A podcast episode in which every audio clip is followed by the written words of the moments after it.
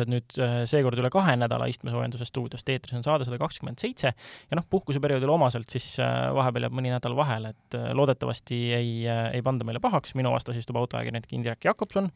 mina olen autoajakirjanik Veli Rajasaar, nagu ikka. ja alustame siis, no uudised on kogunenud kahe nädalaga jälle rohkem äh,. alustame aga sellest, et on põhjust kiruda Rakvere linna ja edasi räägime ka muidugi kütusest, räägime automüügist, sest juunikuu numbrid on selgunud, äh, räägime ka juunikuu kütusemüügist, äh, räägime Elon Muskist, kes on jälle palju kõneainet andnud, teeme natuke kollast ajakirjandust, seal on päris palju asju. ja nii äh, nädala idee autosid on tulekul kui ka nädala kadunuke proovisõiduauto on Opel Grandland ja nädala automõte on siis see, mis jäi eelmises saates rääkimata, loodetavasti sel korral jõuame rääkida, puudutab siis põhimõtteliselt liiklust ja soovitusi kindlustuse osas. aga miks, miks Rakvere kiruda? Indrek on meil teadagi ju hobi Volvo omanik, tal on väga ilusas korras Volvo üheksasada kuuskümmend ja sellega on ta siin käinud erinevatel kruiisidel ja üritustel, kruiisidest on meil ka saates juttu olnud ja nüüd oli siis see aasta põhiline Volvo klubiliste kokkutulek, ma saan aru, ja see toimus seekord Rakveres. see toimus Lääne-Virumaal, kui täpne olla, et me sõitsime tegelikult ühest äh, ilusast kohast teise ja tõepoolest, see oli hästi vahva. kohale tuli ligi viiskümmend autot, äh, noh, mõned väga vanad kogenud tegijad ütlevad, et nad on sellist numbrit Volvot kunagi koos näinud, aga ütleme nii, et viimastel aastatel kindlasti mitte, et populaarsus kasvab ja see on iseenesest väga vahva. ja kohal oli praktiliselt kogu Volvo mudeli valik viimase viiekümne aasta kohta, et puudu oli Amazon vanadest ja puudu oli uutest XC40 no, no võib-olla mõni üksik. käisid XC40-ga, et siis oli see koht nagu tühimik täidetud, aga seekord oli vaja vanuriga minna. just, et noh, kahte head korraga ei saa ja noh, loodetavasti järgmine kord on ka need vead parandatud, sest äh, üritus kogub populaarsust ja iseenesest äh, alustasime Palmse mõisa äh, parklas, kus kõik autod said üles rivistatud ka külarahvale vaatamiseks, aga noh, turundus oli nii, nagu ta oli, et et seetõttu peamised vaatajad, kuulajad, imestajad olid siis Volvo klubilased ise noh, nagu, nagu kipub minema jah, tihti sellistel üritustel, et äh, väga, väga nagu palju neid välja ei hõigata, endalgi on ette tulnud, äh, et issand, mingi väga äge üritus oli, aga noh, jällegi turundus oli nagu oli ja läks lihtsalt mööda. no tegime iseendale, selles oligi asi, et järgmine ja. kord siis püüame tasapisi hakata tegema ka teistele. aga miks sa seda Rakvere linna siis kiruda tahaksid? sellepärast, et see toimus kümnendal juulil ja samal päeval oli ka Rakvere rattamaraton seal linnas ja kuna Rakvere jäi arusaadavalt siis meie tee peale ette, siis juhtus selline asi, et äh, linnas olid teatud tänavad suletud, mis on põhimõtteliselt täiesti normaalne protsess, et kui on suured üritused, eriti pühapäeval, siis tänavad pannakse kinni ja keegi selle üle ju tegelikult ei pahanda, vaid suhtutakse mõistvalt. aga mille üle me saime väga pahaseks, on see, et Rakvere kõige ilusam tänav, pikk tänav, kui läheneda sinna Tallinna tänava poolt, siis on ilusti näha kolmesaja meetri pärast, tänav kinni, ole hea, arvesta ise, kas sa tahad kaugemale sõita või mitte. mõistlik. ja kui sa lähened sellele tänavale teiselt poolt, siis sõidad, sõidad, sõidad, ühel hetkel on telliskivi lihtsalt ees. no okei okay., no juhtus, pöörad otsa ümber, sõidad tagasi, keerad järgmisele tänavale, mõtled, et saad sealtkaudu välja, Tammiku tänavat pidi, sõidad jälle mitusada meetrit ja siis on korraga telliskivi ees. keerad jälle ümber, sõidad tagasi, sõidad lõpuks suure kaarega välja, vaatad silt reguleerija, reguleerijat muidugi ei ole, ja siis kirud, et noh, nii võib, aga kas on selline nagu üle jala laskmine või et kas oli raske siis tänava teise otsa ka panna märk, et kolmesaja meetri pärast on tänav kinni, et siis noh, sa ei hakka sinna see oleks nagu niisugune nagu elementaarne asi tegelikult, mida teha, on ju. ei ole ja. suur kulu iseenesest. Kaks liiklusmärki oleks võinud rohkem paigaldada, aga väga palju oleks nagu närve säästetud, noh, ega ma ei olnud ainukene, neid oli seal palju, kes üksteise järel sõitsid ja siis ümber pöörasid, et noh, noh, see ei ole ju tegelikult mitte ühe linna ega ühe ürituse spetsiifiline probleem, et seda võiksid nagu kõik, kes tänavaid äh, sulgevad, meeles pidada, et tänavad hakkavad ikkagi kusagilt kaugemalt ja viisakas oleks sellest natuke kaugemal, füüsilises mõttes kaugemalt ette teatada. no nii, et viiskümmend äh, Volvot äh, töristasid edasi-tagasi kütust maha, aga mida see meie kütuse hind üldse teeb, kas võttis pisara silma see töristamine või, või võib nüüd öelda, et tegelikult paistab, et on parem, mina näiteks eile tankisin üle pika aja üheksakümmend kaheksat, mis maksis mulle alla kahe euro liiter. et täitsa korra, korra oli, oli kohe täitsa isegi, isegi mõnus tunne niimoodi tankida jälle. no kõigepealt see, et kuna me, jäi üks saade vahele, siis hirmsasti tahtsime eelmises saates öelda, et äh, ärge nüüd äh, kiirustage pakke täis panema, et äh, küll ta läheb odavamaks ja tankige siis, kui vaja. et see, et te tangite igaks juhuks täis, et kohe läheb hind kallimaks, seda hirmu noh, ei olnud meil kaks nädalat tagasi ja tundub ka, et selline kiire hinnatõusu aeg on praeguseks hetkeks möödas, et Brenti naftabarrel käis ka alla saja dollari ja see on selline märgiline number, et äh, muigasime, et ilmselt kuulasid meie saadet, et tipp on käes natukeseks ajaks, aga noh, loomulikult põhja me ei hakka ennustama ja selge on see, et käes see ei ole, aga palju langusruumi ka ei ole, sest ega maailmas on ju energia jätkuvalt defitsiidis ja gaasihindadest ma arvan, et räägime järgmises saates, sest äh, need, kes äh, CNG-ga sõidavad, need ilmselt äh, kiruvad jätkuvalt, sest kui vahepeal läks neil natukene kergemaks, siis nüüd nüüd on need numbrid sellised, et see neile mitte ei meeldi. no aga siin sai ju vahepeal soovitatud äh, siin gaasitajatele ja üleüldse kütusetankijatele, et minge siis Lätti äh, kütuseturismi teostama äh,. kas selle soovitusega seoses on midagi muutunud? Äh, selle soovitusega on muutunud päris palju, sest äh, eelmises saates me ju ütlesime, et kuna esimesest juulist lätlased kaotasid äh, biokütuse nõude, siis nüüd peaks Lätis olema kütus tunduvalt soodsam Eestiga võrreldes ja kaks nädalat on saadet vahet olnud, kaks korda on selle jooksul Lätis käidud ja see asi on täiesti imelik, et äh, noh, loogiline on küll see, et mootoribensiin on neil seal nüüd natukene odavam kui diiselkütus, noh, hinnavahe oleneb tanklast, üks-kaks senti. Äh, aga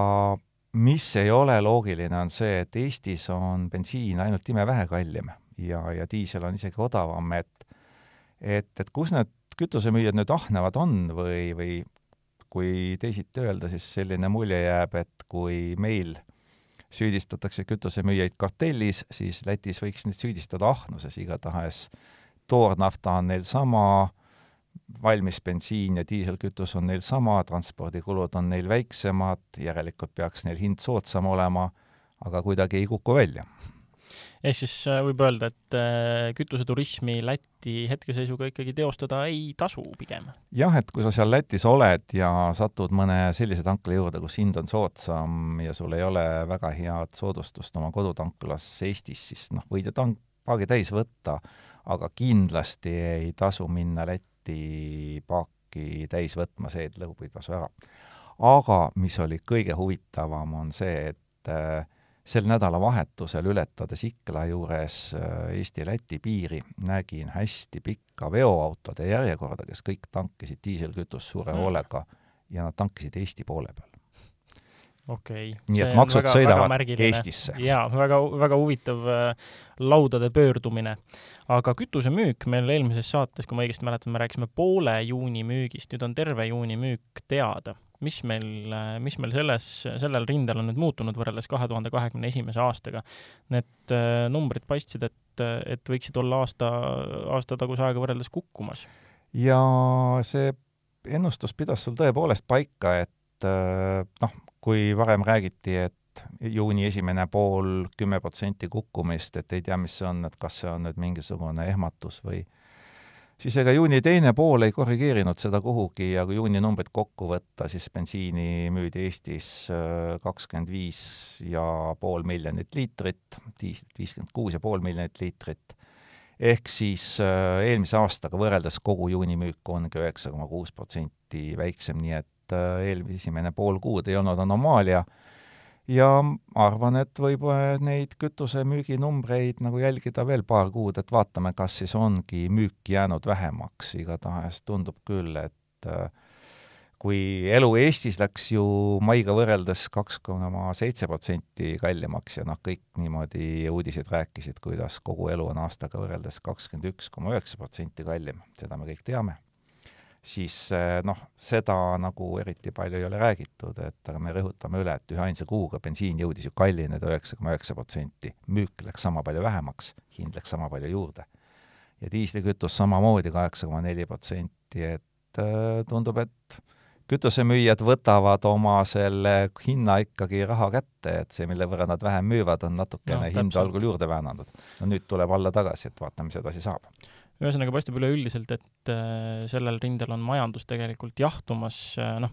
enam-vähem kõigile otsa vaadates kütuse hind, lootust on, et ta kukub, on ju, veel rohkemgi, äh, vaadata seda kasutatud autode turu mulli, mis vahepeal oli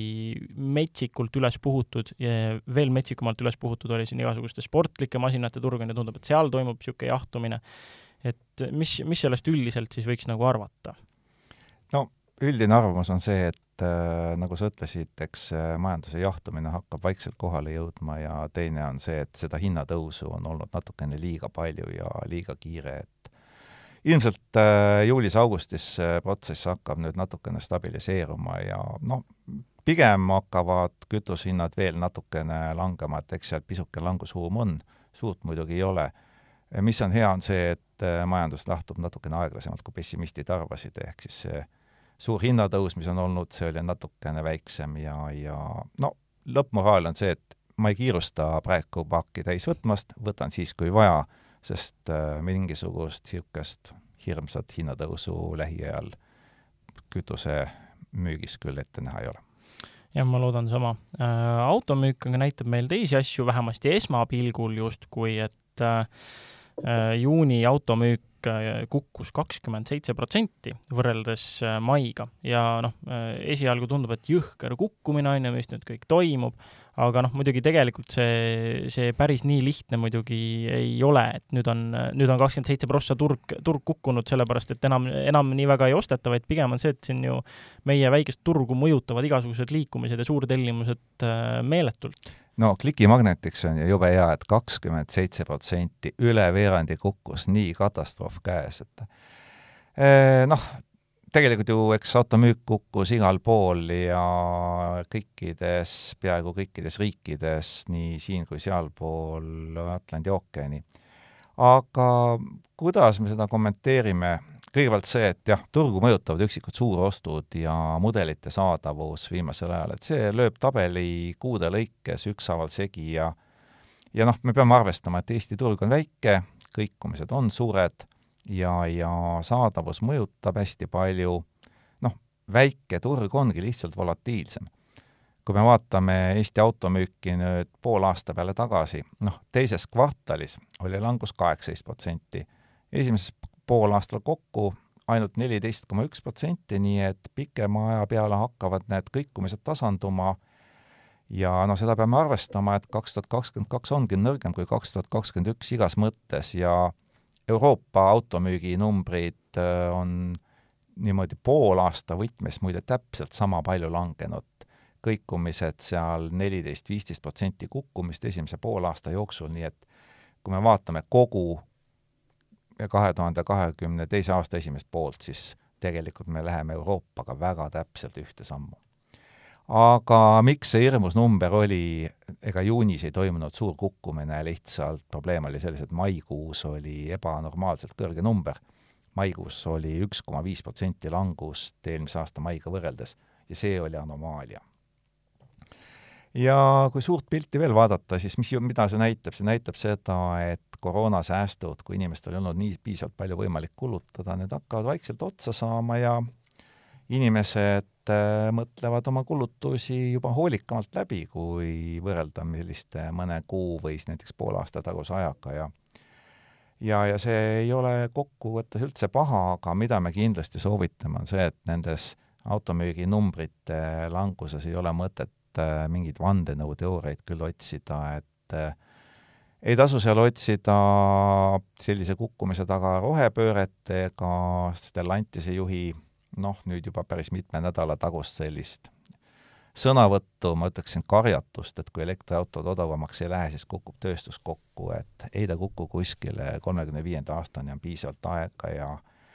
elektriautod on praegu juba turul, nii et äh, selles suhtes samuti tasub aktsepteerida, et automüük on natukene väiksem võib-olla kui varasematel aastatel, aga sellega tuleb kohaneda, mitte lihtsalt selle üle kurta, kurtmine ei aita. jah, no auto on ikkagi paraku teel luksuskaubaks, vähemasti uus auto ja võimalus endale uus auto osta. täiesti vääramatult. noh, sest et äh, selge on see, et kui siin alguses elektriautode turule tulekul öeldi, et jaa, nad hakkavad maksma sama palju mingil hetkel kui sisepõlemismootoriga autod, siis nüüd, nüüdseks me teame, et see tähendab lihtsalt seda, et sisepõlemismootoriga autod lähevad samuti kallimaks, kuni nad siis lõpuks välja juuritakse. ja teise asjana see, et lubadus, mida kõik ütlesid, et kohe-kohe lähevad akude, ma pean silmas kõrgepingeakusid mm, -hmm. et nende hind läheb alla saja dollari siis ühe kilovatt-tunni kohta, seda juhtunud ja ilmselgelt ei juhtugi. Noh, aga akude juurest on kohe mõistlik minna onu Elon Muski juurde. täitsa, täitsa tema oma justkui saate rubriik juba ja sel korral on seal sisu päris palju, sest et ta on ikkagi päris agaralt toimetanud. et kõigepealt muidugi see Twitteri rinne, et teatavasti ta ju tahtis Twitterit osta Äh, ütleme, päris korraliku summa, sest mis see meie üks Twitter oli, kas nelikümmend neli miljardit oli? nelikümmend neli miljardit on see, mida ta, noh, see, mis tal puudu on, sest tal ju praegu suur tükk on käes, aga noh, kui me võtame kogu Twitteri kokku, siis ütleme umbes viiskümmend miljardit ja see on üks Twitter. üks Twitter, just, et äh, selle, selle ostmisega tal ikkagi päris nagu tundub, et ta ei ole sada protsenti enam veendud, et ta tahab Twitterit jaa, et siit tuleb meie nädalanumber ära ja see on kolmkümmend kaks koma viiskümmend viis, äh, ühikuks on Ameerika dollar ja see number on üheteistkümnenda juuli siis Twitteri aktsiahind. meenutame, et aprilli lõpus oli see üle viiekümne dollari.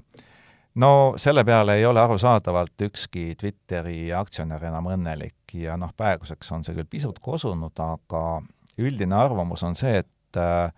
kuna Elon on teatanud, et ta ikka vist ei osta Twitterit, sest äh, see ja teine põhjus, seal tööd toimetavad botid, nendest rääkisime paar saadet tagasi ja üleüldse on Twitter tunduvalt odavam kui see, mis tema selle eest alguses pakkus, siis äh, Twitter arvab ise, et äh, Elon nii lihtsalt need asjad ei käi, kuna aktsionärid ja töötajad ja üldsus kõik on sellega arvestanud siis äh, kuna tegu on börsiettevõttega ja sa oled teinud ikkagi ametliku pakkumise, siis nüüd on sul üldiselt kaks võimalust, et kas maksta päris pirakas kompensatsioon, siin on räägitud nii mõnestki miljardist lausa, või tuleb Elonil võtta jalge alla kohtutee. Äh, kuna Twitter on registreeritud Delaware'i osariigis Ameerikas, siis ilmselt ka selle osariigi seaduste kohaselt see kohtupidamine pihta hakkab ja Twitter on öelnud, et tema kutsub Eloni äh, juba septembrikuus kohtusaali, Elon ise muidugi üritab seda kuupäeva edasi lükata, eks siis vaatame, mis kohtunik otsustab, aga selge on see, et Twitteri saaga lähema kahe kuu jooksul kindlasti läbi ei saa ja sellest saame veel palju rääkida. Noh, Muskist veel äh, nii palju ka, et no nüüd läheme siis kollaseks, et Musk on teatavasti, Musk on teatavasti suur Äh, sündimuse propageerija, et ikkagi lapsi peab olema, lapsi peab saama,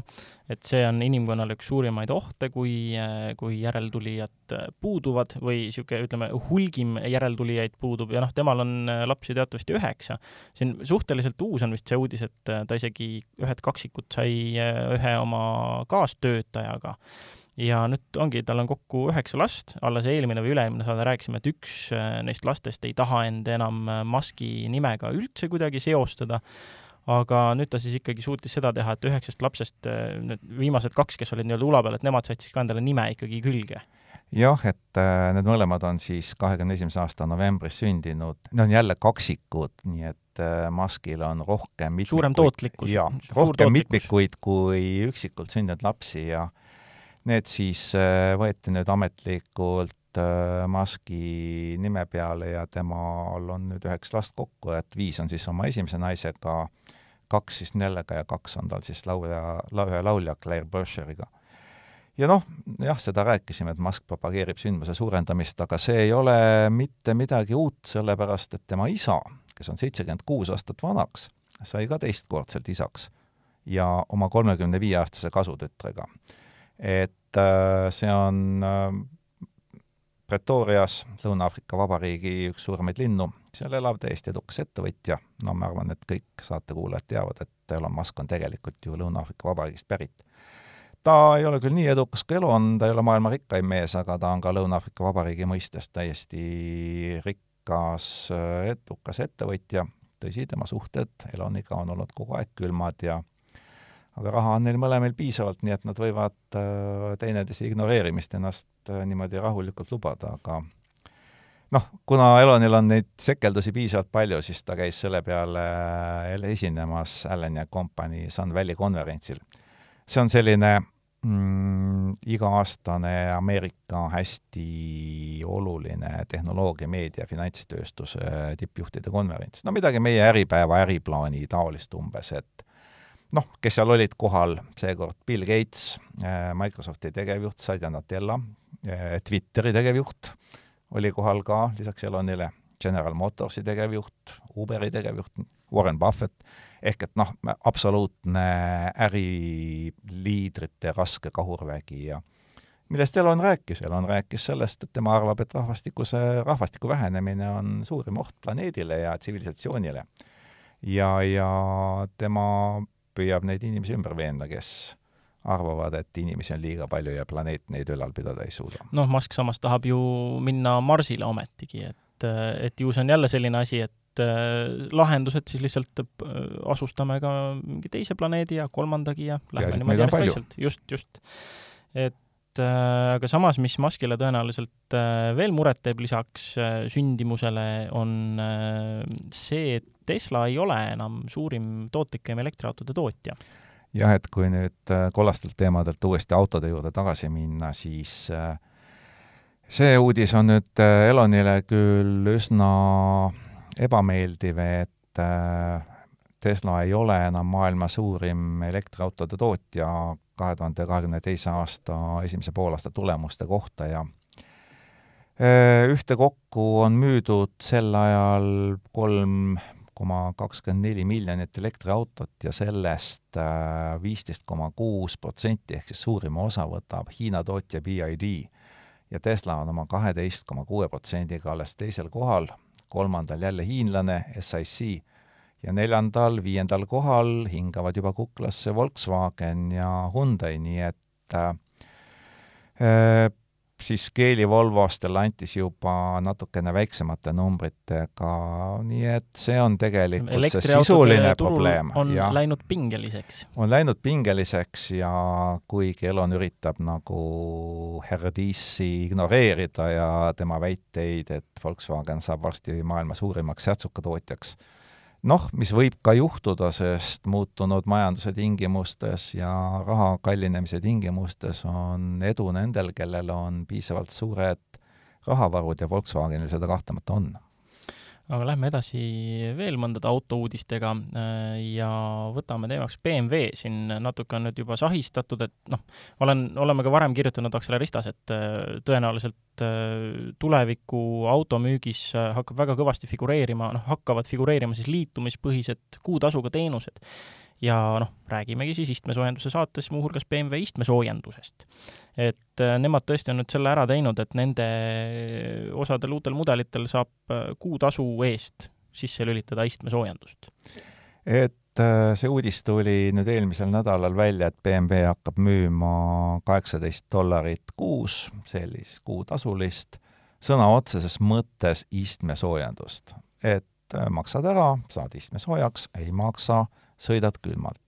suvel pole vaja, talvel on vaja, tundub nagu jube hea diil, eks ole, et maksad ainult selle eest, mida sa kasutad. ja noh, iseenesest ju võiks arvata, et äh, win-win situatsioon, et äh, kui sa saad ühte toodet ju tarkvaraliselt modifitseerida, oled selle tarkvara ükskord ära kirjutanud, siis selle pealepanek äh, ei oma ju püsikulude mõistes noh, nullilähedane kulu ja see on ju hästi hea võimalus, on müüda oma kasutatud autot, ütleme näiteks sinul ei olnud vaja istmesoojendusi, sulle ei meeldi, sulle meeldib jahedas istuda, mõni teine on väga külmakartlik,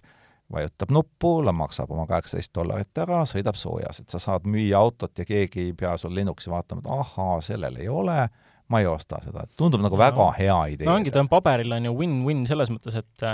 niikuinii tehastest praegusel ajal väljuvad pigem samasugused autod, riistvaraline võimekus kõigeks on olemas ja ongi just ainult see tarkvaraline maagia nii-öelda vajalik, et see asi tööle panna. ja noh, tegelikult see ikkagi tootmiskulusid äh, niimoodi unifitseerides vähendab samas tõenäoliselt jah, tükihind äh, võib-olla masinal võib tulla natukene jällegi kallim, noh, ühesõnaga kindlasti see on väga korralikult äh, Excelites välja arvutatud, kuidas mõistlik on, aga, aga paistab, et see on lihtsalt hea koht, kus autotootjad saavad ikkagi tegelikult selle kuutasu arvel veel sellist head jooksvat tulu sisse tõmmata. jah, ja siis ühest küljest saavad nad näidata ennast väga kliendisõbralikult, et pakuvad kliendile ainult seda, mida klient soovib, sellel hetkel, kui klient soovib aga ega siis äh, rahvas väga rõõmsalt seda uudist vastu ei võtnud, sai lausa sedavõrd pahaseks, et noh, BMW pidi ülitama ikkagi vabanduse, et et äh, ei, ei, me teil olemasolevatel autodel ei lülita istmesoojendusi välja, et teie saate ikka, kes on omal ära jõudnud osta, saate sõita ja ja, ja kui üleüldse... kiunama poleks hakatud, võib-olla oleks ära võetud. jah, lähed hooldusesse, tuled tagasi, lähed sinna, iste soe, tuled tagasi, iste külm. jaa, aga noh, see, see on selge, et see on ka tööstuse tulevik jällegi, et, et tõesti tehaksegi üha rohkem samasugused autod, mis veerevad sealt tehase väravate vahelt välja, ise saad siis vaadata, mida tahad, mida mitte ähm,. Aga noh, siin on ju see, Audi kohta oli see uudis mõned kuud tagasi juba, et ähm, neil oli, see, see oli peaaegu nagu kliendile näkku sülitamine, mis, mida nad teostasid ühe ekraani ähm, infomullikesega siis et ma, ma ei mäleta enam, mis see funktsionaalsus täpselt oli, see ei saanud konditsioneer päris olla, aga ka mingisugune selline asi, mida sa sõitjate ruumist saad ähm,, saad aktiveerida, selle jaoks on nupp olemas, autod, millel see, noh, jälle sama asi, tehasest tulevad samasugused autod, nupud on kõik olemas, tarkvaraliselt saad aktiveerida neid asju, aga kui sa sellele autole sellele nupule vajutasid, siis ta ütles lihtsalt, et ähm, te ei ole selle teenuse eest maksnud. et et eh, noh, jälle niisugune no, nagu niisugune, ütleme, soolahaavale hõõrumine või midagi, et miks sa oled niisugune kooner, ah, nuppu, nupp on, miks sa siis ei, ei maksa teenuse eest? no sellepärast, et eks Volkswagen on seda üritanud kuumaksupõhisust ka vaikselt teha, aga nad on seda teinud hästi tasakesi, et mitte klienti ära hirmutada ja tegelikult on Toyota ka seda katsetanud hästi vaikselt. BMW pani selle suure kella külge, lootes äh, saada innovatiivset kuvandit, kahtlemata saigi ja ma arvan, et kui tulevik... innovatiivse rahakoorija. jah, seda ka, eks ole, et äh, nüüd on tulevikus teavad, et kui sulle vaatab vastu mingisugune silt, mis ütleb, et maksa, muidu ei saa, siis sinna taha tuleb võrdusmärk BMW. aga huvitav, mis, äh, mida ütlevad meie igasugused tarkvaravõlurid selle kohta, kes igasuguseid trikke oskavad teha, et huvitav, kui reglementeeritud see turvalisuse pool kohe, noh, uute autode puhul muidugi on loogiline, et sinna väga lihtsalt kohe ligi ei saa mingi igasugune suvaline tüüp arvuti ja juhtmega, ja kui ka saab, siis igasugused üle õhu uuendused tõenäoliselt näitavad kohe ära, et Äh, BMW-l otse, otse tootjale siis või hooldajale, kellele iganes, et seda autot on üritatud näppida, et seal võivad mingisugused probleemid juhtuda, aga huvitav, mis saab äh, järelturul näiteks mingisugune, ma ei tea, viieteist aasta pärast näiteks. kas siis on ka kusagil äh, mingisugune endel oma läpakaga, kes pakub teenust, et aktiveerib sul kõik asjad mingisuguste sandikopikate eest või, või on see sinnamaani siis niimoodi, et siis, siis ongi tulevikus lihtsalt võimatu seda teha, sest et muidu on kohe märge juures, et seda autot on näpitud, hoolduses tuleb sellel seal küsida lisaraha, mis iganes, et see on tegelikult väga huvitav selline äh, Pandora laegas, mida avada ja vaadata, et mis siin tulevikus saab sellega. no aga eks ta liigub sinnapoole, sest äh, elektroonilised hooldusraamatud võtavad paberi üle ja igast asjast, äh, mis autodes, noh, mis hakkavad muutuma üha enam suurteks arvutiteks ratastel, igast asjast jääb ju jälg maha mm -hmm. ja arusaadavalt autotootjad tegelikult on ju kogunud noh, seda infot hästi-hästi palju ratastel autod, mis tarbivad äh, vedelkütust, nende jälgimine on natuke keerulisem, elektriautodega on ju jube lihtne, iga kord, kui saba mm -hmm. seina pannakse, on autotootjal täpselt teada, kes, mis, kus, kuidas, kui palju. et seetõttu ka elektriautode kohta selline suurepärane info on. ja noh, eks äh, tasapisi need asjad sinna suunad lähevad, no loomulikult ei lähe see teenus kohe alguses lendama, aga tulevikus ilmselt hakkabki asi niimoodi välja nägema, et et noh, tahad autot, avad oma telefoni, vaatad lähema Bolti või Woldi, noh, siis märgid linnukese, istmesoojendust tahan, roolisoojendust ei taha, vastavalt sellele tuleb sulle kilomeetri hind ette ja siis valid, võtan selle või, või siis ei võta. no see on väga kole, eks ole, ja see on natuke liialdatud, aga väga võimalik, et see ongi meie tulevik. muidugi selleks tuleb enne üks põlvkond inimesi auto omamisest võõrutada, sest inimene üldiselt tahab autot ostes veel praegu valida, et mul on ja hakkabki olema jah, aga räägime ka uutest autodest äh, natukene, mitte ainult funktsionaalsustest, featuuridest ja rahakoorimisvõimalustest. Volkswagen Amarok on nüüd esitletud siis äh, uut Amarokki. Jah, et Volkswagen sai üle-eelmisel nädalal kahe sellise esitlusega hakkama, et Baltikumis tutvustas siis uut ID5 ja ülemaailmselt siis uut Amarokki Äh, globaalne mudel, tootma hakatakse Lõuna-Aafrikas, äh, ei tea, kas mujal ka, aga esialgu seal, globaalne esitlus, viis erinevat mootorit, äh, kaheliitrised diislid, kolmeliitrine V6 diisel, noh, tegelikult rääkida Volkswagenist on selle puhul üldse natukene selline väike liialdus, sest tegemist on Ford Rangeriga, millele on teine silt ette kleebitud ja natukene teistsugune kuju antud meenutame veerand sajandi vanust autot Charalaxi, mis samamoodi oli ju Fordi ja Volkswageni ühistöö ja müüs väga kenasti. et maailmas on kuuekäiguline käsikast, kümnene automaat, taga ja neli vedu, noh, seda Ranger Raptori mootorit, seda V6 bensiinikat Amarokile vähemasti esialgu pakkuma ei hakata. aga Eestis noh, hindu ei ole veel teada, konfiguratsiooni ei ole veel teada, tellida ei saa, aga nii palju, kui on teada, on, et äh, kindlasti tuleb meile kolmeliitrine V6 diisel, tõenäoliselt ainult nelikveoga ja käigukasti osas ei ole veel kindlust, no kui välja tuleb, eks siis paistab, aga noh, ilmselt sellist suurt valikut nagu üle maailma meile võib-olla esialgu jaguma ei hakka. aga noh, ega siin palju ei ole, mõned kuud ja siis ta peaks olema ka tellimuslehel olemas. vot ma teeks kohe ühe niisuguse tagasikerimise, mis sa ütlesid, äh, mis see ühismudel oli, Ford Char-, Char-, Charlaxi? jah. ehk ma saan aru, et see oli meelega, mitte, mitte sõna äh, eksimus? ei, see oli täiesti kogemata, isegi mitte eksimusega meelega, vaid see on üldmõiste, mida hästi laialt kasutatakse mitteametlikult Volkswagen Charani ja Ford Galaxy kohta, sest need autod erinevad üksteisest ikka hirmvähe. tehniliselt täiesti sama masin, teine embleem, kogu lugu. ja mina pean tunnistama, et sa tabasid mind täiesti ootamatult, mina sellest ähm, portmanteost ei olnud kuulnud äh,, küll aga noh, neid on teisigi muidugi, mina olen ise kasutanud Toyobaru BRZ kaheksakümmend kuus ja noh, mingid sellised platvormikaaslased, vot nüüd olen äh,, pean tunnistama, et nüüd olen mina natuke targem, et Charalaxi siis hoopis selle masina kohta. aga Volkswagenist jätkame natukene veel, sest et et äh, sa said vahepeal käia meil äh, ID5 proovimas ja kui ma ei eksi, siis isegi selle vängemat GTX versiooni. jah, meil oli proovimiseks äh, võimalus nii vängemat GTX-i kui tavalist ja see proovimine toimus siis Volkswagen ID punkt viie ametlikul Baltikumi esmaesitlusel ja see oli ka põhjus, miks ma Lätis käisin ja mida siis ID5-st rääkida, no sõita sai vähe, äh, manööverdada sai palju, ega autost hakkame põhjalikult rääkima ja kindlasti kirjutama Aksele Ristas ka rohkem siis, kui me oleme temaga saanud siin ikkagi mõned sajad kilomeetrid katta. aga mis esmamulje kohta võib öelda, äh, pigem räägiks natukene turundusjuttu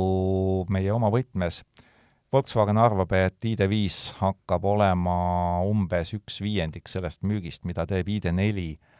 ja see kõlab hästi loogiliselt, sest äh, ega ID5 on ID4, ta,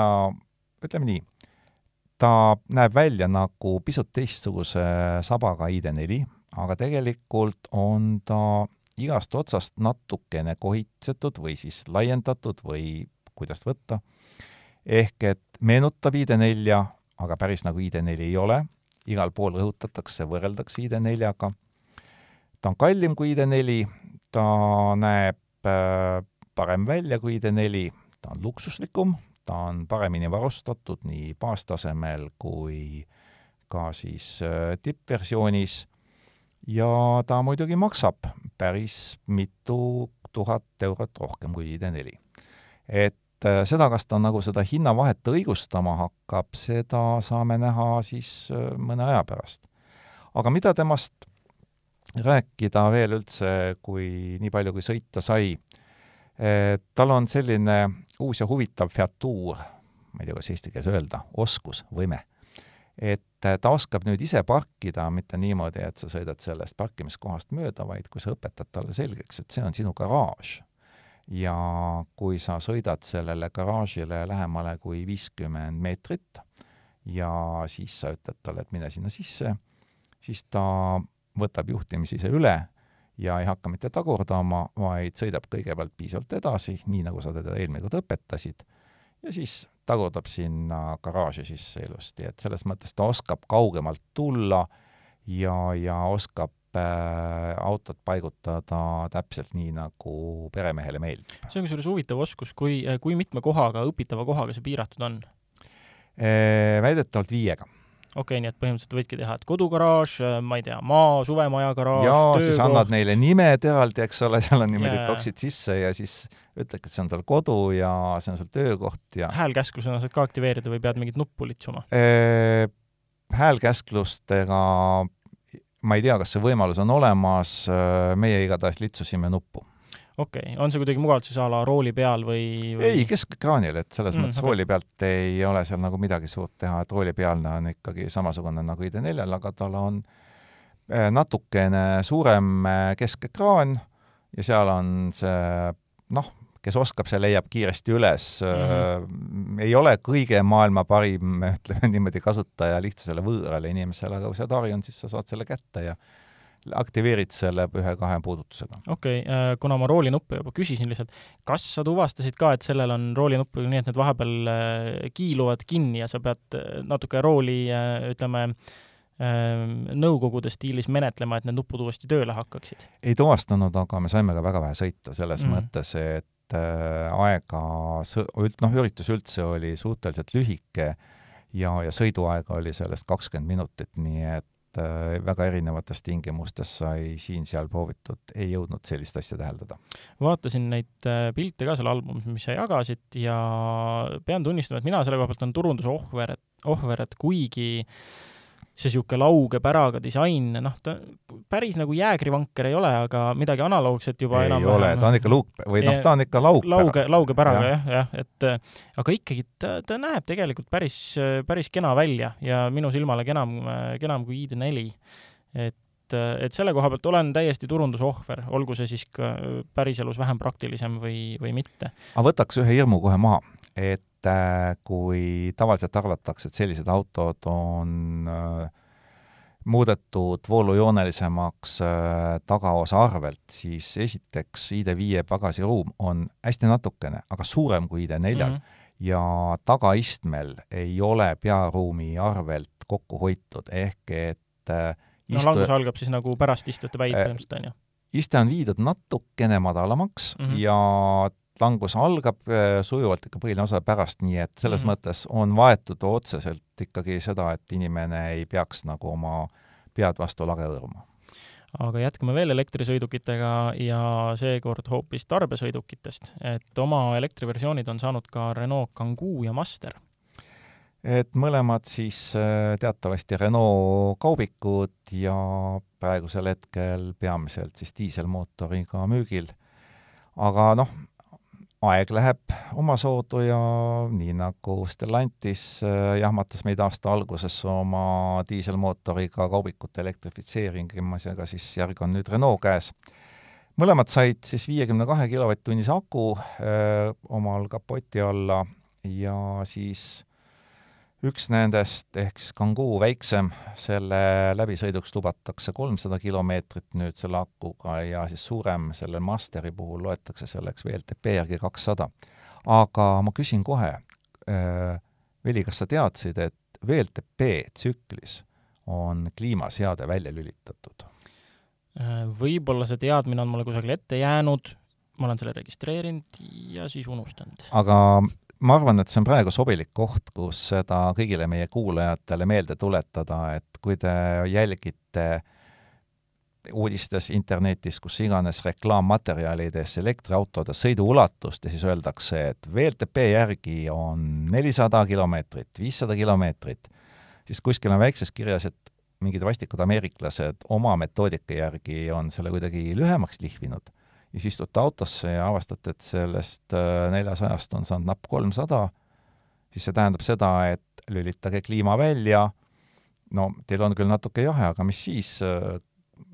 ja saategi pikema sõiduulatuse, et VLTP tegelikult ei kajasta reaalseid sõidutingimusi, vähemalt elektriautode puhul küll. noh, pakungi siis välja VLTP, et kui ei taha meelde jääda, siis VLTP näiteks ähm, välja lülitatud koma temperatuur pekkis. et siis, siis sellega jääb meelde, et, et see on lihtsalt, hea temperatuur ei kuulu sinna tsüklisse. vähemasti mina selle, kas akronüüm oleks õige sõna, jätan, jätan igatahes sellise lühendiga selle endale nüüd meelde aga kogu selle sõiduulatuse ja tarbesõidukite mm, kasutusvõimekuse osas tuleb ära oodata, mis Uku arvab, sest ma kujutan ette, et juba poole selle jutu peale, mis hõlmas sõiduulatusi ja tsükleid ja kõike, ta kitkuks endal neid väheseidki alles olevaid juuksekarvu peast ja ütleks, et ei saa nii olla, ta läheb testib ära kohe, ta on meil ju teadagi teinud neid elektrikaubikute proovisõite ja tuvastanud, et no tegelikult nad ei ole ikka veel, meil veel päris valmis selliseks noh, reaalseks kommertskasutuseks äh, kusagil päris äh, sõidukipargi osana, kui sa osutad transporditeenust. jah, et me hoiatame kohe meie lugejaid ette, et ärge oodake, et äh, Uku saab äh, kolmsada või kakssada kilomeetrit läbi sõita, nagu VLTP järgi lubatakse. ei saa, ei hakkagi saama ja teie ka ei saa, kui te nendega sõidate. aga samas noh, kui võtta lühikesed jaotusveod, postiring kusagil, kui ei ole kiiret ka, no võib-olla mõne aja pärast tasub ennast äragi ja, ja noh, statement on ju ometi vaja teha, et ikkagi, et ka tarbesõidukid lähevad mingi hetk elektri peale üle, eks seda tuleb katsetada, jällegi alustadagi väikselt, et linnasõidud, võib-olla, ma ei tea, pool vahetust linnasõite sellise, sellise masinaga juba noh, ja, ja jällegi see on see, et sa teed selle statement'i, et see on mingis mõttes juba võimalik ja noh, küll siis akutehnoloogia areneb ja võib-olla see asi läheb mingil hetkel ka päriselt äh, atraktiivseks äh, et-, siis päris ettevõtjate jaoks aga hüppame nüüd edasi nädala ideeautode juurde. ja need pärinevad mõlemad Hyundai'lt ja päris põnevad asjad. et äh, võib-olla esimene, mis mulle nagu rohkem meeldis ja tundub isegi põnevam, on, no eks ta igas mõttes ole põnevam, on Hyundai N-Vision seitsekümmend neli. see on selline huvitav äh, nimi, mis äh, kohe, kui Google'isse sisse lüüa, selle jaoks tuleb seda korra veel korrata. Hyundai N Vision seitsekümmend neli. see on põhimõtteliselt selline retrodisainiga, peegeldab Hyundai esimest seeriatootmismudelit Pony, äh, jälle üks nendest, noh, kui me oleme Ioniq viie kohta rääkinud, on ju, et selle disain põhineb ka osalt sellel samal Ponil ja kannab neid geene edasi ja nii, et siis see N-Vision seitsekümmend neli on samamoodi hästi niisugune retrohõnguline, temas on seda esialgset Pony, temas on samas seda DeLoreani, et seda, seda ütleme, futuristlikku retrodisaini vaadates tekib kohe küsimus, et kui ta jõuab kiiruseni kaheksakümmend kaheksa milli tunnis, kas ta siis tõesti läheb ka ajas edasi, hästi sarnane on sellele DeLoreanile. Ja selle puhul on nüüd tegu siis Hyundai vesinikukatsetusega ja vesiniku, vesinikelementide autoga. et äh, sellel autol on siis vesinikukütuseelement ja ühtlasi ka täitsa korraliku mahutavusega ehk kuuskümmend kaks äh, kilovatt-tundi kõrgepinge aku. ja meie kuulajad ilmselt äh, on ammu ära taibanud, miks äh, seitsekümmend neli, sellepärast et see Hyundai Pony, mida on väidetavalt võetud selle auto kujustamisel nagu algseks äh, lähtekohaks või ideeks, on siis Hyundai Pony seitsmekümne neljanda aasta, tuhande üheksasaja seitsmekümne neljanda aasta versioon. aga tagaveoline auto, elektrimootoreid kaks sealjuures sellesamal tagasillal ja kokku siis kuussada kaheksakümmend hobujõudu, mida ei ole üldse mitte vähe. see on hea, see, et on kaks ajamit, muidugi on ka hea igasuguste veojõu jagamiste harjutamiseks ja dif-, eri diferentsiaalide matkimiseks, et jällegi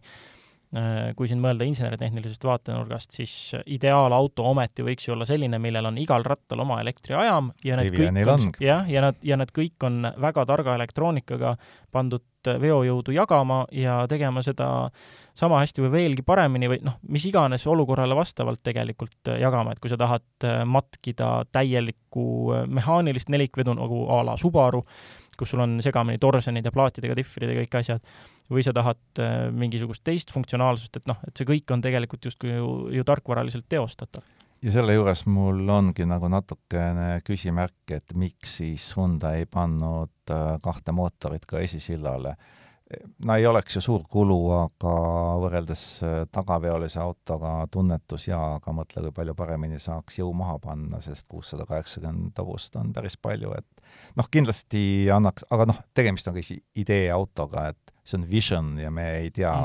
mis kujul ta tegelikult tootmisesse jõuab. eks teda ühest või teisest otsast ikka nuditakse, et kui disain jääb, siis tõenäoliselt ei saa see võimsus sinna kuidagi jääda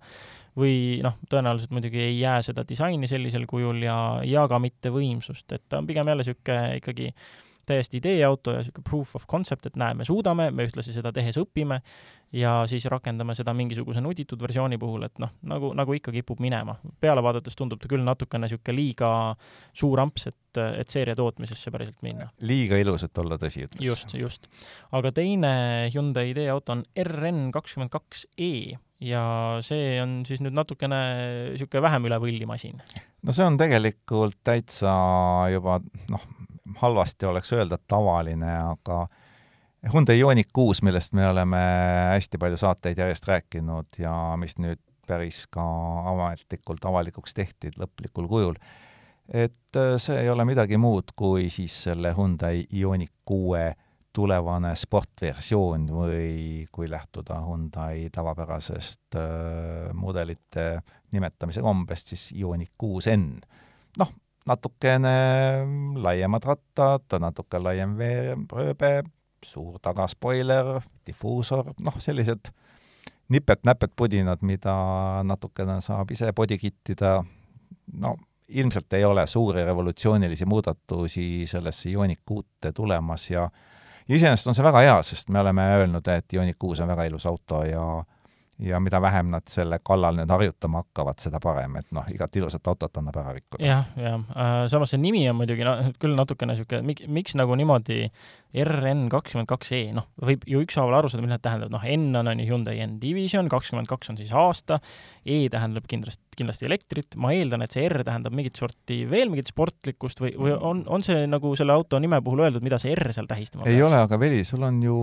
üks lubadus täitmata, sa pidid tegema ilusa autotähestiku, et mida tähendab R, T, S. ja, ja, ja, ja, ja issand, mul, mul oli see, see täitsa meelest läinud jah ja,. me, me mingeid analoogi oleme teinud, me oleme kirjutanud Acceleristas küll, et mis on erinevate mm, tootjate need sportdivisjonid ja mida need tähed seal tähendavad, aga see on tõesti see, kuidas nagu kliendilt raha võtta, mis tähe eest, kui palju, et see on veel ja, ja see on veel tegemata, õige. et see R, mulle tundub, see võiks olla nagu sportlikkus, samas kui ta on elektriauto, siis nagu me oleme ka rääkinud, elektriautode puhul igasugused X, Y, Z tähed on pigem need, mida kasutatakse sportlikkuse näitamiseks elektriauto puhul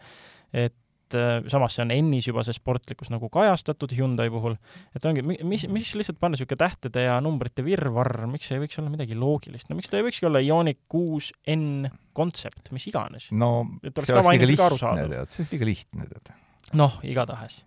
Äh, läheme siit edasi millegi juurde, mis, mis on reaalsem, realistlikum, millega sa oled päriselt käe külge pannud ja sõitnud ja räägime nädala proovisõidu autost, milleks on sel korral Opel Grandland et see on auto, millest võib äh, nüüd päris äh, pikalt ja põhjalikult rääkida ja sellest äh, saab varsti ka lugu Akselesse Ristasse kirja. et tõepoolest tänu Karingile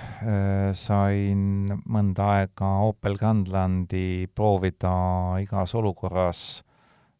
metsas ja maal, maanteel ja linnas ja noh, mis ma nagu kokkuvõtteks võiksin kõigepealt öelda sissejuhatuseks, äh, see on auto, mis on mõeldud inimesele, kellel on üsna suured nõudmised, aga kes ei soovi neid nõudmisi väga palju avalikustada. selle auto disain on Opelile viimasel ajal omane esiosa, hea küll, visor, nagu nad seda ise kutsuvad, suhteliselt välja peetud, rahulik, aga ilus ja tema kasutusomadused on täpselt sellised, nagu sul vaja on. et äh, müüakse teda bensiinimootoriga, kahjuks küll ainult ühes versioonis, üks versioon diiselmootorit ja siis kaks versiooni pistikhübriidi, testiks anti loomulikult kõige vingem, kõige kallim, ehk siis see Äh, pistikhübriid, mis koos äh, elektri- ja bensiinimootori koostoimel annab siis välja kolmsada hobujõudu ja on siis tänu sellele ka nelikveoline. Jah, just, just tahtsin öelda, tahtsin alustada sellest, et räägi, mis versioon sulle anti, aga mis ta hinnaklassis on, nelikvedu kolmsada hobust, pistikhübriid, mis veel põnevat? no põnev on see, et sellise nelikvedu ja kolmsada hobust, selle eest küsitakse ilma metallikvärvi ja muude lisadeta üle viiekümne tuhande natukene, mis on päris soolane hind, et et äh, kui me rääkisime selle auto kättesaamise hinnast, siis oli juttu veel mingist äh, nelikümmend kaheksa tuhandest ja kui ma praegu hinnakirja lahti võtsin, siis vaatavad juba vastu sellised viiega algavad numbrid, et jah, see on tippmudel ja, ja sealt ei olnud veel kõike peal, näiteks on Opelil äh, lisaks sellele nelikveo võimalusele juures ka selline sõidurežiimide valiku pöördnupp, õppe, et sa saad valida, kas on lumi, liiv, viis erinevat äh, maastikku, millel liikuda. ette rutates äh,, sellel autol on tavamõistes viis sõidurežiimi, täiselektriline äh,, hübriidne, siis sport, mis noh, sisuliselt on seesama hübriid, ja on nelikvedu, mis siis tuleb eraldi režiimist sisse lülitada. no pluss ma eeldan, et viies, viies on siis ähm, täiesti nagu individuaalselt kohandatav mingisugune? seda ei ole, ei ole mm., jaa e,. Vähemasti mina küll sellist kohta sellele autole ei leidnud, sa hakata midagi individuaalselt kohaldama ja ma arvan, et see on väga mõistlik, sest enamus inimesi ei viitsi seda individuaalset kohandamist teha ja autotootjad, sunnikud ei luba seda sõidu ajal teha. jah, jah, tõsi, aga no sa juba niimoodi õrritavalt rääkisid maastikust, kuidas tal siis kas on tal siis sellist re reaalset maastikusuutlikkust ka nende kõikide asjade toel, said sa proovida? sain proovida ja ta suutis mind täitsa positiivselt üllatada, et ma ütlen kohe, et selle eh, erinevate pinnase režiimide jaoks äh, lisamaksmine ei olegi tegelikult väga mõistlik, sellepärast et tava, tavaline nelikveoline on ikka üllatavalt võimekas, läheb täiesti rahulikult, piisavalt kõrge clearance'i toel läbi sealt, kust nagu esialgu väga ei arvakski. mis ta see clearance on? üle, üle kahekümne, siis ma eeldaks kakskümmend kaks, kolm, midagi sinnakanti? Kakskümmend sentimeetrit on tal clearance maast, mis on tegelikult täiesti korralik ja kuna noh, iseenesest on ju tegemist mitte millegi muu kui pisut teise firma märgiga ja natukene ümber riietatud Peugeot kolme tuhande kaheksaga, mille clearance on samamoodi väga korralik omas klassis, nii et see kakskümmend sentimeetrit koos nelikveoga annab täiesti korraliku liikumisvabaduse meie tingimustes kuidas on sõitjate ruumiga, kas ka seal on ruumikus taganud liikumisvabaduse? sõitjate ruum on hästi optimeeritud, ütleme siis niimoodi viisakalt. et äh, tema välismõõtmeid arvestades võiks eeldada, et sees on rohkem ruumi. Äh, juhil loomulikult igas suunas äh, saab istet sättida nii, nagu tahad ja kui juht ennast paika sätib, siis tema taga on noh, mahub täpselt äh, istuma, aga laiutama ei mahu.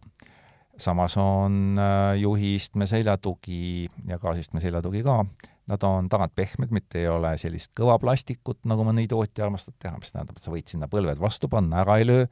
sa saad päkad rahulikult sirutada esiistme alla, seal on piisavalt ruumi, seal ei vaata sulle vastu aku ega midagi muud taolist et selles mõttes äh, tagaistmel ei ole ruumi laiutada, aga seal on mugav ja seal ei ole kindlasti kitsas.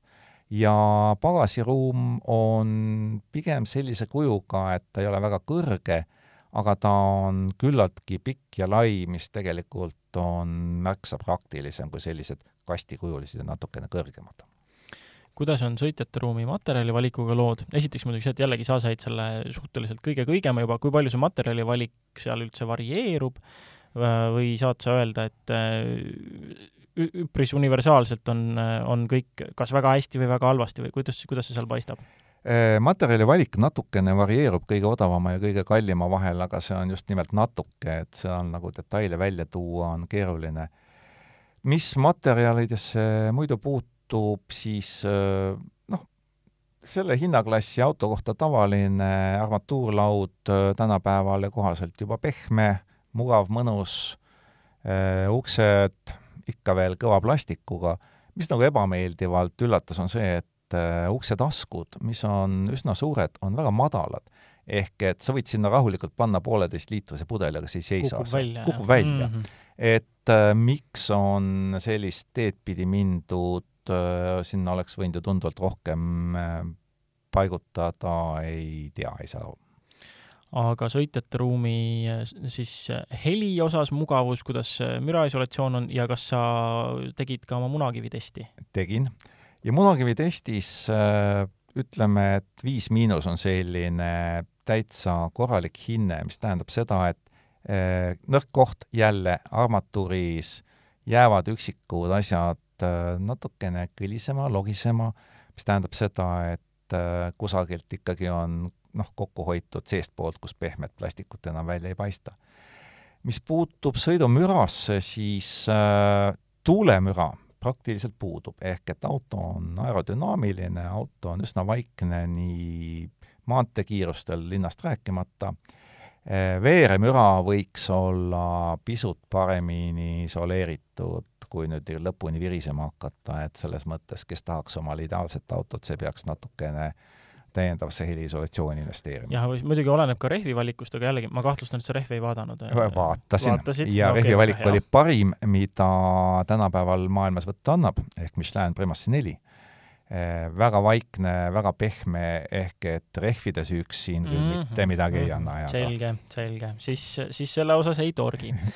ja üldine hinnang siis, mis võiks olla, no dünaamikast veel ei rääkinud, kolmsada hobujõudu tegelikult võib ju täitsa, täitsa asjalikult edasi liigutada. kas oli seal tunda mingisuguseid, ähm, mis iganes, pöördemomendi auke, mingisuguseid äh, ebastabiilsuseid hübriidajami koostöös või toimisid need hästi kokku? Ütleme nii, et nad toimisid hästi kokku, loomulikult saab äh, paremini, saab teha ideaalsemalt äh,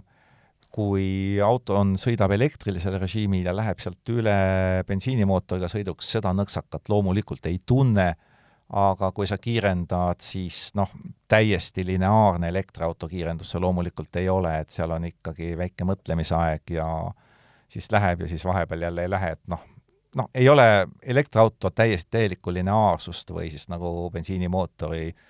ajad pöörded kuni lõppu, sellist asja seal ei ole, aga see ei sega mm. -hmm. kas äh, ta on äh,, sisepõlemismootor on paaritatud CVT kastiga või, variaatoriga? ei, täiesti klassikaline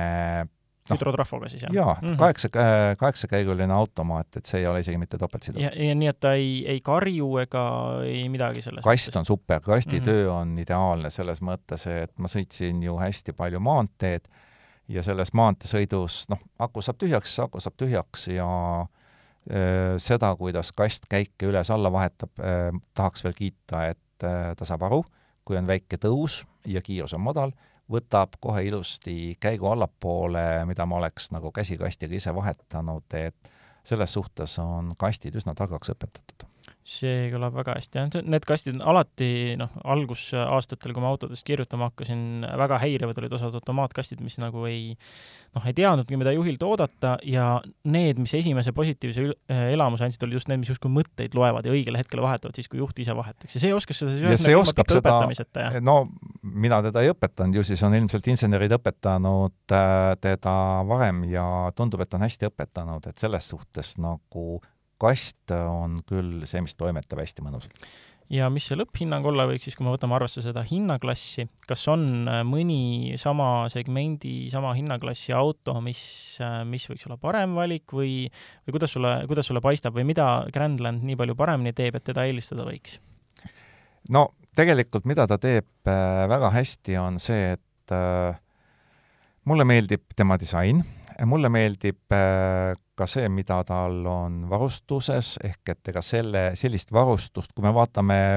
natukene lahjemat versiooni esiveolist äh, diiselmootoriga autot, siis see maksab kolmkümmend neli ja pool tuhat ja see on juba väga mõistlik pakkumine. ta sõidab mugavalt, istmed on äh,, seal proovisõiduautol olid küll need AGR sertifikaadiga igat suunas reguleeritavad, jah, need on tõeliselt head Eh, jah, kui sa tahad omale seda nelikveolist versiooni, sa maksad selle eest äh, täpselt neli tuhat lisa, võrreldes siis tavalise pistikuga. Eh, miks teda tasub veel eelistada, on see, et see pistik hübriid sõidab, kui kliimaseadet sees hoida, sõidab viiskümmend kilomeetrit, mis on ikka päris pikk sõiduulatus, me oleme siin rääkinud pistikutest peamiselt, mis on noh, kolmkümmend kilomeetrit ja siis saab mm tee otsa. et äh, see on, pistikhübriidne variant on tõesti sellele inimesele, kes seda autot iga päev laadida viitsib ja see test oli selles suhtes erakordne, et ma võtsingi alati, kui võimalus, paningi auto laadima, et ma sõitsin kogu pika-pika testi läbi alati elektriliselt nii palju kui võimalik. ja sain keskmiseks kütusekuluks äh, viis koma üks, millest enamus oli läbitud maanteel ja ilma elektriabita. et äh, kindlasti, mis on ta, see hübriidsüsteem on saadud päris hästi toimima äh,, see hübriidsüsteem, teine eelis on see, et ta ei kao maanteel nii kiiresti, nagu tavapäraselt elektriautodelt võiks oodata, et noh, ikkagi suur, raske, kõrge auto ja ma olen näinud seda, kus oodatav läbisõit kahaneb nagu maanteele jõudes kohe kaks korda. ei ole seda, et ta sõidab üsna pikalt elektrijõul, et ta on tõesti pistikhübriid äh, selle sõna heas mõttes, aga siis sa pead ka teda laadima. kasutajas kinni ikkagi lõpuks. jah, selge, aga ma võtaksin ja kiirelt paneksin saate lõppu ühe automõtte, mis eelmine kord rääkimata jäi. See puudutab üleüldse liikluskindlustust ja noh, peamiselt hobiauto võtmes küll, aga noh, ütlen juba ette ära, see, see rubriik ei ole kuidagiviisi kindlustusfirmade poolt kinni makstud, need on äh, oma mõtted, mis on seotud ühe paari nädala taguse juhtumiga, kus äh, üks äh, sõber lihtsalt äh, oma hobiautoga ja rajaautoga äh, noh, põder hüppas ette ja tema pääses ilusti elusalt, aga autoga ikkagi päris kehvasti. ja mis mõtted sellega kõik seondusid, olidki jälle see, et juba ära nämmutatud äh,, eriti noh, eriti ära nämmutatuna kõlab see nende jaoks, kellel ei ole elus juhtunud mingit sellist õnnetust, kus sa ei saa eriti midagi teha. et esiteks ikkagi see, kui kuramuse kiiresti sellised asjad juhtuvad, see, see on jälle niisugune, ütleme, wake-up call, mis eesti keeles head vastet vast ei ole, aga niisugune, ütleme, ta on niisugune turgutaja ja paneb jälle mõtlema, kui kiiresti need asjad käivad. ta oli just viisteist minutit enne meil ühes chatis kirjutas, et jaa-jah, sain omal nüüd äh, järgmiseks äh, selleks, et võistluse etapiks sain sillastendi ja kõik asjad tehtud, ja noh, ja siis viisteist minti hiljem tuligi pilt, et no kuramus, põder. ja ikka väga sees oli see klaas ja tal läks väga-väga hästi, et ta ikkagi eluga pääses, et ainult käsi läks kipsi. et äh, selles mõttes, mis mõtted sealt veel tuli lisaks sellele, et kui kiiresti need asjad juhtuvad ja kui vääramatult see võib juhtuda, et sul ei olegi mitte midagi teha ja see, kas sa üldse elama jääd, on väga ikkagi ka õnnes kinni. ja teine mõte on seotud kindlustusega, aga Indrek tahab vahele midagi öelda kohe. tahan öelda vahele seda, et äh, selle Opel Grandlandiga sõites äh, juhtus Lätis selline huvitav asi, et minu ette tekkis, eh, ma ei tea kuskohast, tegelikult tean küll, kraavist, metskits. ta mitte ei tulnud, vaid ta lihtsalt tekkis, täiesti ootamatult, järsult. Eh, ja ma tahan kommenteerida, kui sa ütled, et midagi ei saa teha. saab teha küll. ja saavad teha kaks osapoolt. üks osapool, kes on Eestis tegelikult eh, päris hästi oma ülesannetega hakkama saanud, on Transpordiamet, kes vastutab ühtlasi ka selle eest, mis toimub tee äärtes mida puhtamad on tee ääred, seda ohutum tegelikult on. sa näed seda loomakest natukene kaugemalt. ja teine asi, mille, mis mind päästis, miks ma, miks sa räägid seda oma sõbra näitel, mitte ma ei räägi seda enda isiklikul näitel, on see, et mul oli sõidukiirus, võõras tee, välisriik, sõitsin kaheksakümne, kaheksakümne viiega. oleks kiirus olnud sada kümme, oleks ma ilmselt kitsel otsas olnud nii et see on ja. küll midagi, mida saab ise teha ja,. jah, jah, tõsi, okei okay,, võib-olla nii, nii vääramatult selles mõttes rääkides jah, et alati selle, selle koha pealt midagi, aga noh, jällegi tingimustes, kus sa sõidad, see on, see on jälle see, et äh, oleks-poleks, et äh, oleksin ma sõitnud näiteks kaheksakümnega äh,, oleksin ma võib-olla varem näinud, et ta seal tee peal on, aga näiteks äh, noh, see ongi see, et oleksin ma sõitnud üheksakümnega, aga näiteks kui ta sulle ette astub, ega seal enam nagu vahet ei ole, mis kiirusega sa väga sõidad, sa jõuad seal pidurit vajutada, võib-olla sul on kahjud väiksemad, kui sa väiksema kiirusega sõitsid. aga samas jälle on see oleks-poleks, et noh, oleksin ma sõitnud lubatud kiirusega, siis ta ei oleks üldse jõudnud ette astuda, see on jälle see nagu teine loll oleks-poleks, on ju. et seda kunagi ei tea, et see, see, see on juba see teine nagu universumi enda vääramatuse asi, et et kui sa lähed kodust minut hiljem või minut varem välja, siis võib ka igasuguseid asju juhtuda. kunagi ei tea, mis õnnetustest me pääsenud oleme sellega, et me oleme minut varem või minut hiljem välja läinud, on ju aga, aga jah, tõsi, võõras tee sellisel juhul muidugi jah, võtta rahulikult, see on jällegi niisugune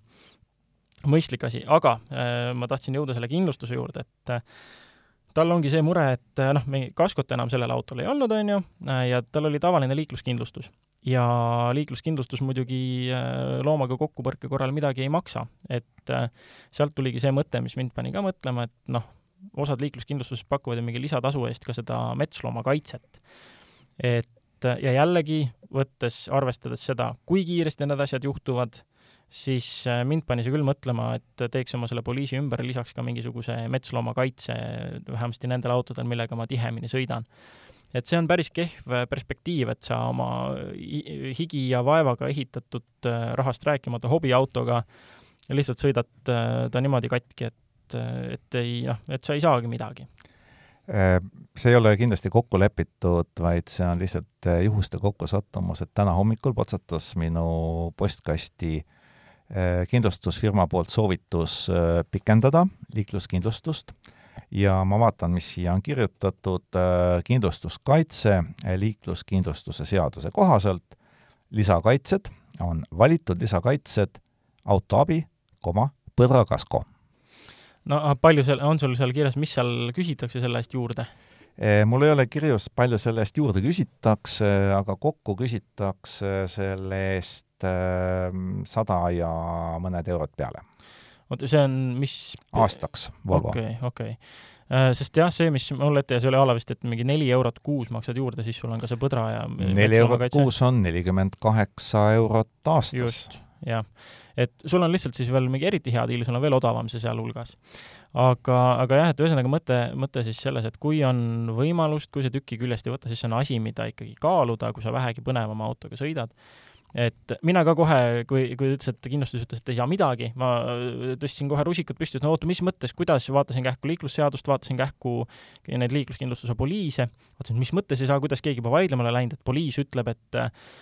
siis nagu seal oli, et äh, poliis ütleb, et äh, liiklusõnnetus ja need kahjud ja kõik asjad, äh, mille eest kahju kinni makstakse, see, selle sätestab liiklusseadus või liikluskindlustusseadus, siis ma läksin, vaatasin seda seadust, seal ei olnud kusagil öeldud, et metslooma eest kokkupõrke korral ei, ei maksta midagi kinni, ehk justkui jäi nagu mõlema dokumendi põhjal mulje, et makstakse, aga siis ongi see, et siis sa loed seda liiklusõnnetuse definitsiooni ja siis seal on see, et jaa, ja vot, et teine osapool peab ka olema, kes on kahju saanud ja vot alles siis on liiklusõnnetus ja teiseks osapooleks ei kvalifitseeru siis mingisugune loom. ehk seetõttu ongi mul ilusti liikluskindlustuse poliisil põdrakasko, et oleks arusaadav, et kokkupõrkel põdraga. just. no vot, paganas, võib-olla see selline, selline mõte, mille oleks pidanud hoidma selleks puhuks, kui kunagi tahab tulla mõni saatekülaline, kes tahab rääkida kindlustusest ja reklaamida ja noh, siis oleks väga tore olnud, on ju, aga ei, paraku läks jah, niisugune natuke reklaamjutumaiguline asi, aga tegelikult jällegi see kõik, ähm, see, see nii-öelda reklaamjutt taandub sellele, et äh, lõppkokkuvõttes sõidame mõttega, hoiame end ja kui meil on mingi vähegi ägedam auto, mis meile midagi tähendab, siis tasub ikkagi mõeldagi sellele, et kuidagi lisaks proovida seda kaitsta, et need asjad lihtsalt käivad nii kuradi ruttu, et äh, noh, see, see, see ongi reaalselt mõne sekundi küsimus, et kas, kas ongi auto prügi või ei ole ja noh, loodetavasti sina seal sees mitte.